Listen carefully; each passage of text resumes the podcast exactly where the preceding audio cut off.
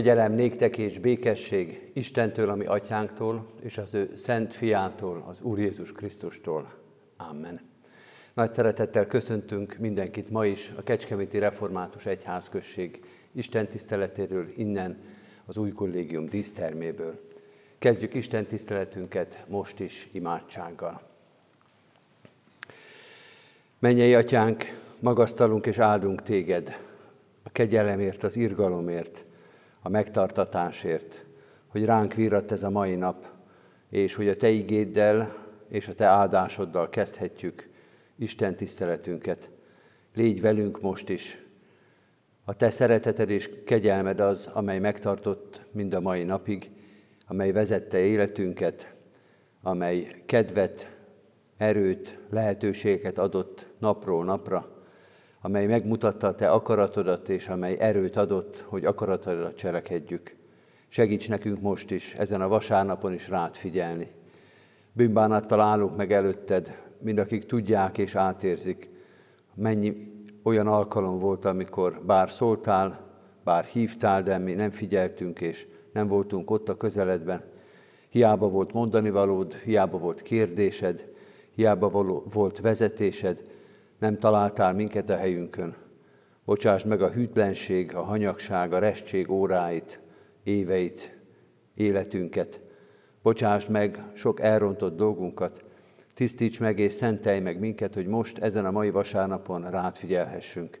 Add a te igédet, és add lelkedet, hogy megértsük és követni tudjuk üzenetedet, örök életet adó igédet. Amen.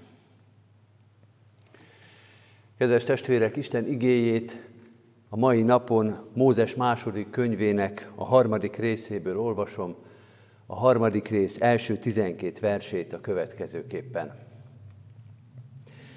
Mózes pedig apósának, Jetrónak, Midian papjának a juhait legeltette. Egyszerre a juhokat a pusztán túlra terelte, és eljutott az Isten hegyéhez, a Hórephez. Ott megjelent neki az Úr angyala tűzlángjában egy csipkebokor közepéből. Látta ugyanis, hogy a csipkebokor tűzben ég, de mégsem ég el a csipkebokor. Akkor ezt mondta Mózes, oda megyek és megnézem ezt a nagy csodát, miért nem ég el a csipkebokor.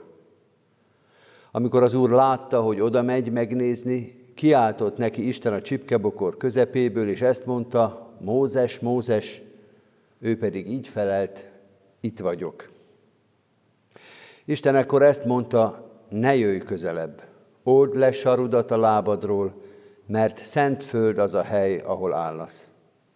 Majd ezt mondta, én vagyok atyádnak Istene, Ábrahám Istene, Izsák Istene és Jákob Istene. Ekkor elrejtette Mózes az arcát, mert félt rátekinteni az Istenre. Az Úr pedig ezt mondta, megláttam népem nyomorúságát Egyiptomban, és meghallottam kiáltozásukat a sanyargatók miatt, mert ismerem fájdalmukat. Le is szállok, hogy kimentsem őket Egyiptom hatalmából, és elvigyem őket arról a földről egy jó és tágas földre, teljel és mézzel folyó földre, a Kánaáni, a Hettita, az Emóri, a Perizzi, a Hivi és Jebuszi nép helyére. Bizony eljutott hozzám Izrael fiainak segélykiáltása. Látom is, hogy mennyire sanyargatják őket az egyiptomiak. Most azért menj, elküldelek a fáraóhoz, vezest ki népemet, Izrael fiait Egyiptomból. Mózes azt felelte erre az Istennek. Ki vagyok én, hogy a fáraóhoz menjek, és kihozzam Izrael fiait Egyiptomból?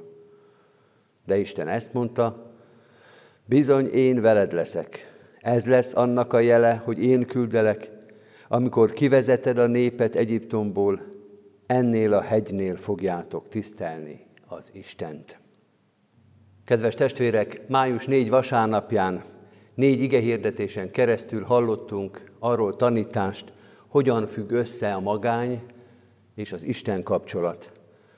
Hogyan találhatja meg az ember a magányban Isten áldását, Isten ajándékát, mindazt, amire Isten vezetni akarja őt.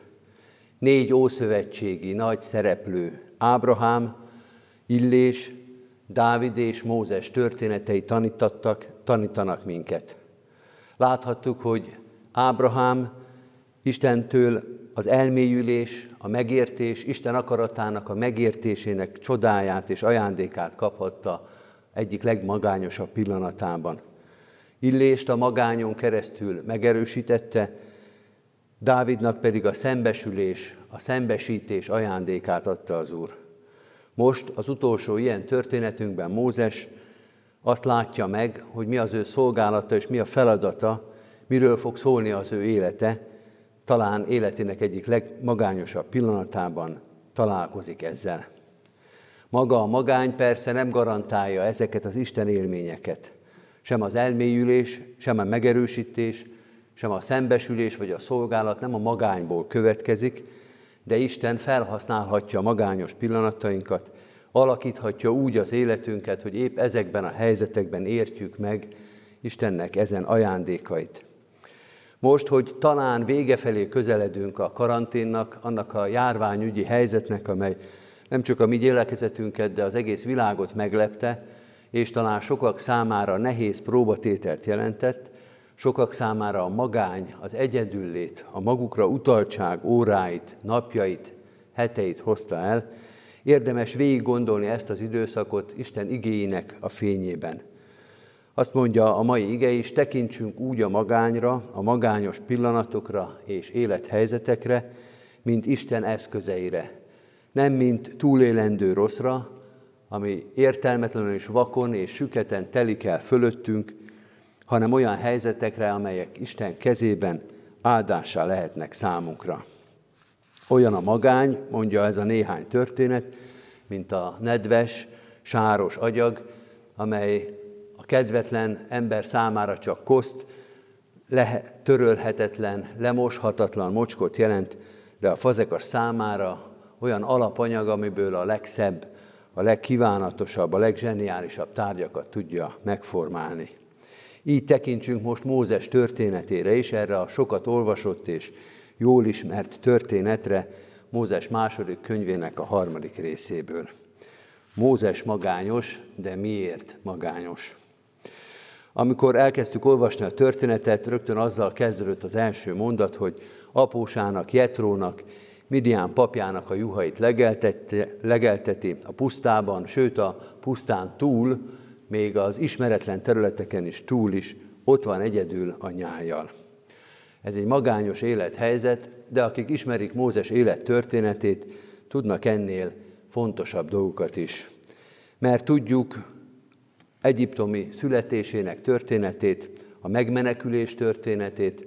Tudjuk, hogy a fáraó udvarában nevelkedett, és azt is olvastuk, azt is tudjuk, hogy gyilkosságba keveredve el kellett menekülnie az otthonából, el kellett menekülnie korábbi életéből. Kedves testvérek, ez az igazi magány, nem pedig a pásztorkodás. Mély, sors magány, élet magány, amely azt mutatja meg, arról szól, hogy Mózes mindent elveszített, ami korábban az életének a része volt, kiszorult a saját életéből, és így kerül oda a nyáj mellé, így kerül a pusztába és a pusztán túlra. Nem véletlen, hogy Mózes magányáról és az égő csipkebokorról az akaratjai magányban élő író Kodolányi János írt egy nagyon nagy és nagyon érdekes regényt. Sok ember ismeri ezt a magányt. Sok ember ismeri a sors, vagy éppen a sorstalanság magányát. Ezt a szót Kertész Imrétől tanultunk meg, aki leírta, milyen magányos, milyen élethelyzet az, amikor egy gyermeket deportálnak és halálra szánnak. Vagy erről ír Eszterházi Péter, amikor az édesapjáról emlékezik, a kitelepített, deklasszált grófról, aki ül a szobájában, pénzért fordít, egész nap reggeltől estig gépel és gépel, aki elveszítette a múltját, akinek nincs jövője, csak a már bírható, és talán éppen ezért szinte kibírhatatlan jelen. Így látjuk ebben a történetben Mózest is. Egyiptom elveszett, a fáraó udvara, a régi kapcsolatok, a régi élet elveszett, jövője nincs, csak ez a mindent felzabáló jelen, van eső, vagy nincs eső, van legelő, vagy nincs legelő, gyarapodik a jószág, vagy döglik a jószág. Ezt látja Mózes. Ez az ő életperspektívája. Ha lenne ilyen kifejezés, azt mondhatnánk, azt olvasnánk itt, Mózes életközepi válságba került. Ilyen az élet, és már ilyen is marad. Lényeges dolgok, fontos dolgok, életet meghatározó dolgok már nem történnek vele. De kedves testvérek, Isten másképp gondolkodott erről. Isten másképp gondolta ezt. Amikor elkezdtük olvasni ezt a történetet, ismerős sort olvashattunk, Mózes pedig apósának, Jetrónak, Midian papjának a juhait legeltette, és egyszer a juhokat a pusztán túra terelte, és eljutott az Isten hegyéhez, a Hórebhez. Akik itt voltak ezen az igehirdetés sorozaton, és hallgatták ezeket az igehirdetéseket, most visszaemlékezhetnek arra, hogy ezt a mondatot már olvastuk. Méghozzá két héttel ezelőtt Illés történetében. Valahogy ott is úgy alakult a dolog, hogy a legnagyobb, a legzsibbasztóbb magány közepette Illés eljutott Isten hegyéhez, a Hórebhez. Ezek a történetek azt mutatják, hogy az Isten hegye, a Hóreb közel van a magányos emberhez. Lehetünk mindentől távol, lehető, lehetünk mindenkitől elfeledve, lehet, hogy mi is elfelejtettünk már mindent, nem számítunk senkinek, és mi sem számítunk már semmire. De Isten hegye, a Hóreb, vagyis Isten maga mégis közel van hozzánk, megtalál minket, vagy inkább segít megtalálni őt, segít oda találni hozzá. Talán még könnyebb is volt Mózes számára ez a pusztában, mint lett volna Egyiptom nagy forgatagában.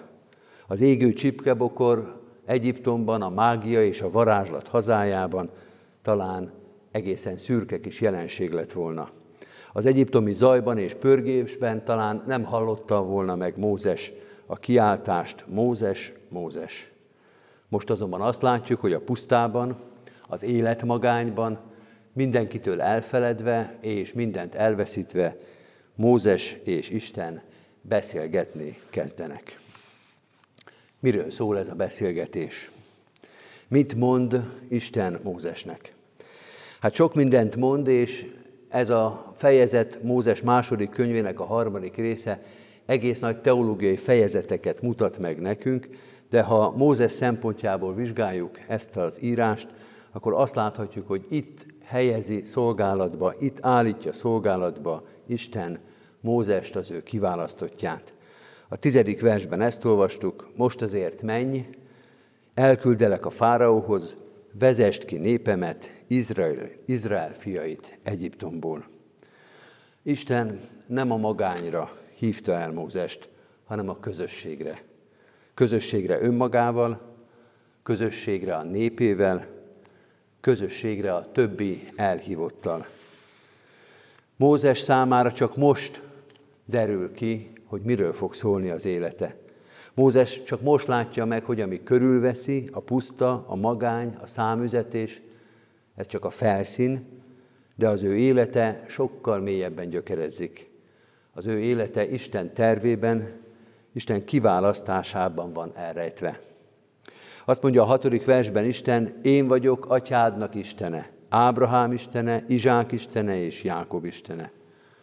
Ezzel azt mondja Isten Mózesnek, ez egy nagyon-nagyon régi történet. Nagyon régen kezdődött, sokan vannak benne, és számomra, mondja az Úr, számomra még nem is fejeződött be. Te, Mózes, talán csak most fejezett fel, hova is állítottalak téged. Most látod meg, most érted meg azt, amit Isten már régen tudott és látott, hogy mi is a te feladatod. Mózes csak most érti meg, hogy miről szól az ő élete. Mózes most gondolhat bele először, hogy hogyan is fogunk rá majd emlékezni évtizedekkel, évszázadokkal, sőt évezredekkel később. Mi kapcsolódik majd az ő nevéhez. Mózes a pusztai magányban érti meg, hogy hová került. Ábrahám, Izsák és Jákob közösségébe. Mert ez az ő közössége. Ez az ő közössége. Nincsen egyedül. Nem magányos. Az ő szolgálatukat folytatja, amit elkezdett az Úr Ábrahámmal, Izsákkal és Jákobbal, és az őt követőkkel, az Mózessel folytatódik. Mózes egy hosszú szolgálati sorba áll bele, és talán itt a magány órájában érti meg, hogy mi is az ő szerepe. Emlékszem, hogy a szolgálatom kezdetén jártam egy kis Dunántúli gyülekezetbe, talán kevesebben voltak 300-nál, és mégis azt láthattuk, amikor oda mentünk, hogy a hittanosok száma 80 százat is megközelíti. Soha nem értettem, amikor először jártam ott, hogy hogy lehet ilyen nagy hittanos csapat ebben a kis gyülekezetbe. Jó hitoktatónak tartottam a kollégát, aki ott a hittanórákat tartotta, de hát azért ennyire nem volt jó, gondoltam magamban, hogy ilyen sok gyereket vonzon maga köré. És amikor megkérdeztem, ő is mondta, hogy pontosan ezzel a gondolattal küzdött ő is, hogy jó hitoktató, de ennyire talán nem, hogy egy ekkora kis gyülekezetbe száz hittanost össze tudjon verbuválni. De aztán kiderült az igazság. Kiderült az, hogy ő előtte, meg azelőtt, meg azelőtt, három-négy generáción keresztül remek hitoktatók, remek tanítók szolgáltak abba a gyülekezetbe, és a mostani száz hittanos gyerek azoknak a korábbi hittanosoknak a gyermekei, unokái, akik nagyon mély, nagyon erős indítatást kaptak, oktatást, hívást, gyülekezeti és hittanos élményt évtizedeken keresztül. És ez a mostani fiatal kollega azoknak a szolgálatába áll be, sőt, azoknak a munkájának az eredményét aratja le, takarítja be, akik korábban ott szolgáltak, akiknek talán a nevét sem ismerte, és akikkel soha nem találkozott. Isten azt tanítja Mózesnek ebben a történetben is, ennek, ebben a híres bibliai szakaszban, hogy neked, Mózes, néped van. Előtted is jártak, sőt, minden bizonyal utánad is jönnek még, akik ebbe a szolgálatba beállnak. Istennek itt hangzik el ez a híres bemutatkozó mondata, vagyok, aki vagyok, vagy leszek, aki leszek. Isten gondolatában, Isten szóhasználatában az igeidők egészen más értelmet kapnak, mint nálunk. A múlt, a jelen és a jövendő Mózesnek ebben a magányos pillanatában egyszerre jelenik meg. Vagyis Isten a magány kellős közepén egy egész népet rajzol Mózes köré. Olyan ez a mozdulat, kedves testvérek, mint szintén két héttel ezelőtt, ahogy olvastuk, Illés egyszer csak megtudja, az az Illés, aki azt gondolta, hogy ő az utolsó hűséges, ő az egyetlen, aki kitartott az Úr mellett. Ez az Illés megtudja, hogy Isten 7000 embert hagyott meg, 7000 embert tart számon, akik nem hajtottak térdet a bálványoknak. A magányos illés egyszer csak egy 7000-es nagy sokaság közepén találja magát. A magányos Mózes egyszer csak egy egész nagy nép, múlt, jelen és jövendő közepén találja magát. Kedves testvérek, erre csak az Isten képes. Erre csak az Isten képes, hogy a semmiből, a magányból, a pusztaságból egyszer csak egy egész népet ajándékozzon nekünk. Nemrég olvastam Viski Ferencnek a 22 évre elítélt erdélyi lelkipásztornak az emlékiratait, a visszaemlékezéseit, aki leírja, hogy a cella magányában 22 év romániai börtönre várva hogyan kapta meg Istentől, hogyan kapta meg az Úrtól ezt az útmutatást, ez az ő parókiája, és ez az ő gyülekezete. A börtön, az ott élők, a rács mind a két oldalán ott lézengők, ez az ő parókiája, ez az ő gyülekezete, ez az ő népe. Kedves testvérek, erre csak az Isten képes. A magány járványal vagy járvány nélkül az ő kezében alakul. A magány az életünk része, lehet maró és bénító, de az is lehet, hogy megtermékenyítő, hogy pihentető, hogy új élethelyzetekre nyitja rá a szemünket.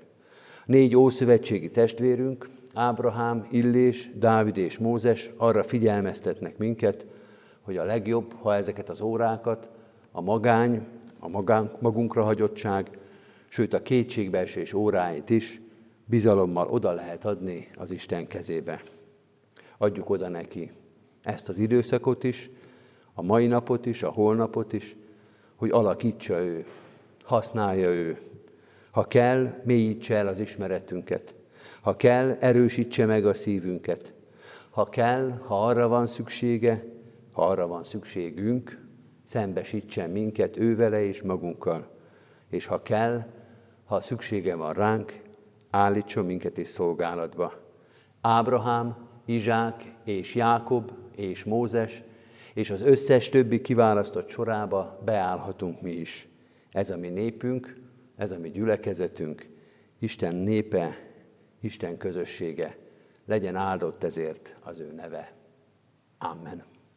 Hajtsuk meg a fejünket és imádkozzunk. Menjél, Atyánk, használd a mi életünket is, a magányunkat és a közösségünket, az erőnket és az erőtlenségünket. Használd fel, alakítsd életünk minden napját és minden pillanatát. Bocsáss meg minden napot és pillanatot, amelyet meg akartunk óvni tőled, amit magunknak tartogattunk, amelyikről azt gondoltuk, hogy mi majd jobban tudjuk hasznosítani őket. Vedd el az egész életünket, tégy minket a te szolgáiddá, állíts be abba a sorba, amelybe ím Mózest is beleállítottad. Ne nézd a méltatlanságunkat, ne nézd az alkalmatlanságunkat. Sőt, arra kérünk, nekünk is mond, amit Mózesnek mondtál, bizony te velünk leszel. Mert ha velünk vagy, betegségben és egészségben, erőben és erőtlenségben, szolgálatban és tétlenségben, az életünk áldott lehet. Ebből az áldásodból és ígéretedből élünk, és ezt kérjük most is, a magunk, a szeretteink és a gyülekezetünk számára is. Eléd visszük most a szeretteinket, a családtagjainkat, itt ebben a városban, ezen a környéken, vagy száz meg ezer kilométerekre is. Urunk, tudjuk, hogy a Te szeretetedben és gondviselésedben nincsenek távolságok. Hadd bízzuk rád azokat, akiktől elszakított minket ez a mostani helyzet, akiket már régen láttunk, de akiket nap mint nap viszünk eléd imádságban. Így imádkozunk a közösségeinkért is. Itt most ezért a gyülekezetért, ennek a gyülekezetnek minden szolgáló közösségéért. De ugyanígy könyörgünk a város többi keresztény közösségéért, az egész városért, az itt élő sok ezer emberért, az itt boldoguló családokért, az itt végzett szolgálatokért. Áldásod és szeretetet tartsa meg életünket, tegye minket, tegyen el az életünket hasznossá, segíts nekünk, hogy egymás terhét hordozva a Te dicsőségedet hirdethessük. Könyörgünk országunkért és nemzetünkért, határon túli testvéreinkért, és imádkozunk a körülöttünk élő népekért is. Tégy minket testvérekké, Urunk. Mutasd meg a Te akaratodat, és adj nekünk erőt és alkalmas szívet, hogy üzenetedet, akaratodat, evangéliumodat hirdethessük ebben a világban. Könyörgünk azokért, akiket a mostani helyzet, ez a válság nehéz napokkal látogatott meg a betegekért, a megrettent szívűekért, a mások terhét hordozókért, imádkozunk az orvosokért, a kórházban dolgozókért, imádkozunk a vezetőkért és döntéshozókért. Urunk, Te adj nekünk bölcsességet, Te adj alázatot, hogy utaidat követhessük. Imádkozunk azokért, akiknek a szívében erősödik a reménység, Te adj bölcsességet, türelmet, hogy életünket megjobbíthassuk, hogy úgy lépjünk tovább ebből a helyzetből, hogy amit Te akartál, amit Te mondtál, amit Te tanítottál, azt el ne felejtsük. Nyisd meg a szemünket és a szívünket mindig a Te igédre. Nyisd meg a szívünket az imádságra, egymás terhének hordozására, Krisztusért, ami Urunkért. Amen. Ti azért így imádkozzatok, mi atyánk, aki a mennyekben vagy, szenteltessék meg a te neved. Jöjjön el a te országod, legyen meg a te akaratod, amint a mennyben, úgy a földön is. Mindennapi kenyerünket add meg nékünk ma, és bocsásd meg védkeinket, miképpen mi is megbocsátunk az ellenünk védkezőknek. És ne vigy minket kísértésbe, de szabadíts meg a gonosztól, mert tiéd az ország, a hatalom és a dicsőség mind örökké. Amen. A minden kegyelemnek Istene pedig, aki az ő örök dicsőségére hívott el minket a Krisztus Jézusban, ő maga tegyen tökéletesekké, erősekké, szilárdakká és álhatatosakká. Övé a dicsőség és a hatalom, örökkön örökké. Amen. Most hallgassuk meg gyülekezetünk híreit. Kedves testvérek, a pünkösd ünnepére készülve előkészítő igeiretés sorozatot tartunk, május 25-e és 30-a között minden este 18 órától. Ezeket az alkalmakat a Kecskeméti Református Egyházközség internetes felületein elérhetik a testvérek. Az igeiretés sorozat címe a Szentlélek ajándékai, igét hirdetnek kecskeméti lelkipásztorok közül Varga Nándor, Weiner Zoltán, Kerekes Márton, Lacai András, Kuti József és Komádi Róbert. A Kecskeméti Református Egyházközség elnöksége nevében örömmel hirdetjük, hogy május 31-én, azaz pünkösd vasárnap, az úrvacsorás alkalmakkal indulnak újra Isten tiszteleteink. Első ütemben, első lépésben a belvárosban, Széchenyi városban és katonatelepen indulnak az alkalmak. Egészen konkrétan 9 órakor belvárosban, az új kollégium dísztermében várjuk az Isten tiszteletre a gyülekezet tagjait. Széchenyi városban a Szent Györgyi Albert középiskolának az aulájában 9 óra 30-kor, katonatelepen a református templomban 9 óra 45-kor tartunk Isten tiszteleteket. Szintén a belvárosban, vagy újra a belvárosban 11 órakor és este 6 órakor is urvacsorás alkalmakat tartunk. Az új kollégium dísztermében az ide tervezett Isten tiszteletekkel kapcsolatban a következő szabályokat kérjük, hogy a testvérek kövessék. 9 órakor az akkor kezdődő Isten tiszteletre a 65 év feletti testvéreket várjuk, a 11 órakor kezdődő Isten tiszteletre pedig a 65 év alattiakat. A 18 órakor, tehát a délutáni istentiszteletünk itt a díszteremben a 65 év alattiak és az ifjúság számára tartott alkalom lesz. A bejáratnál készfertőtlenítőket helyeztünk el, a terembe maximum 100 fő fér majd be, kérjük a biztonsági távolságra ügyeljenek a testvérek. Az Isten tisztelet alatt maszk és kesztyű szabadon használható. Ugyanezek a szabályok érvényesek majd a június 1-én, tehát pünköst hétfőjén tartott alkalmakra is. Hirdettem, hogy a Kecskeméti Református Egyházközség Széchenyi Városi Közössége június 1-én, vagyis pünkösd másodnapján, hétfőjén, a Benkó Zoltán Szabadidő Központban, a Dombnál 9 óra 30-kor családi és gyülekezeti napot szervez szabadtéri zenés istentisztelettel, amelyen az új Sáron zenekar szolgál. Lesz közösségi játék, bográcsozás, grillezés és közös ebéd. Az alkalom körülbelül két óráig tart majd. Kérjük a testvéreket, hogy hordozzák imádságban a gyászoló családokat.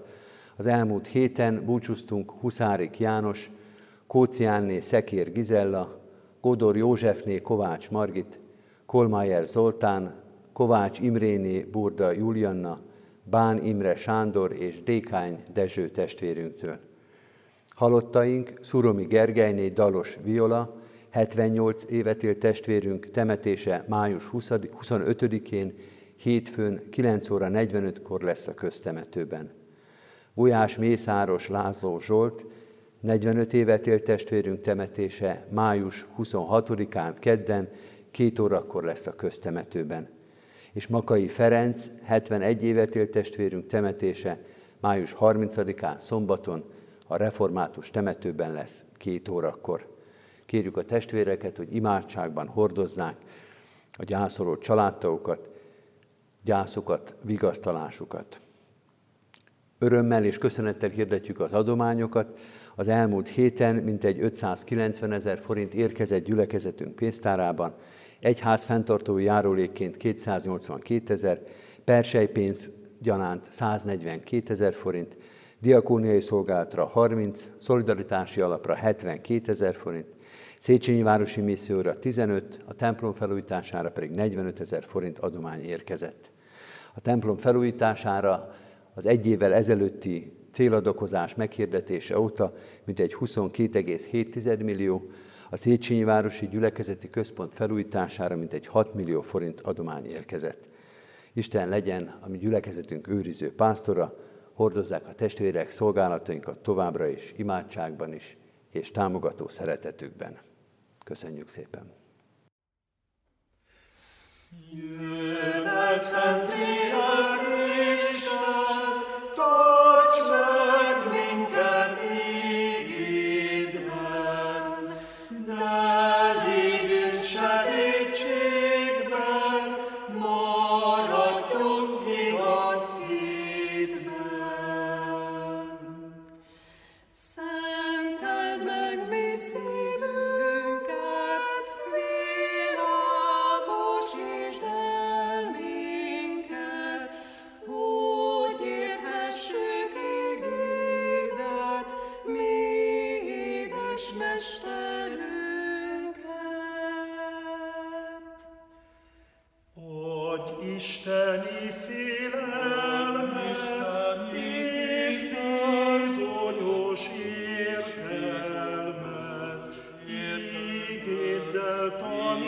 me.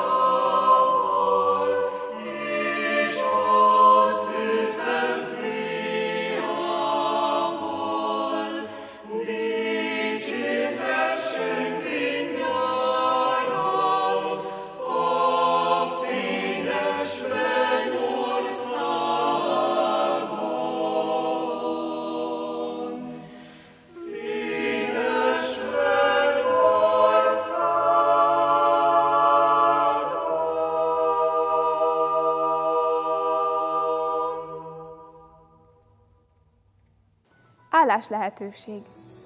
A Sion Nyugdíjas Ház és Gondozási Központ szociális gondozó és ápoló munkatársakat keres. Amennyiben szeretnél időseknek segíteni egy támogató munkatársi légkörben, és még a több műszakos munkarend sem okoz gondot neked, küld el fényképes önéletrajzodat a ref.sion.gmail.com címre. Várjuk jelentkezésed! Konviktus A konviktusban készült ízletes ételeket már nem csak otthonunkban, hanem az ebédlőben is elfogyaszthatjuk. A menü ára 1100 forint. 5 napos étkezési bérlet váltása esetén 1000 forint. Templomi munkálatok. A felújított templom takarítását már szorgos kezekkel végzik a Nőszövetség tagjai. Hamarosan találkozunk. Áldás békesség!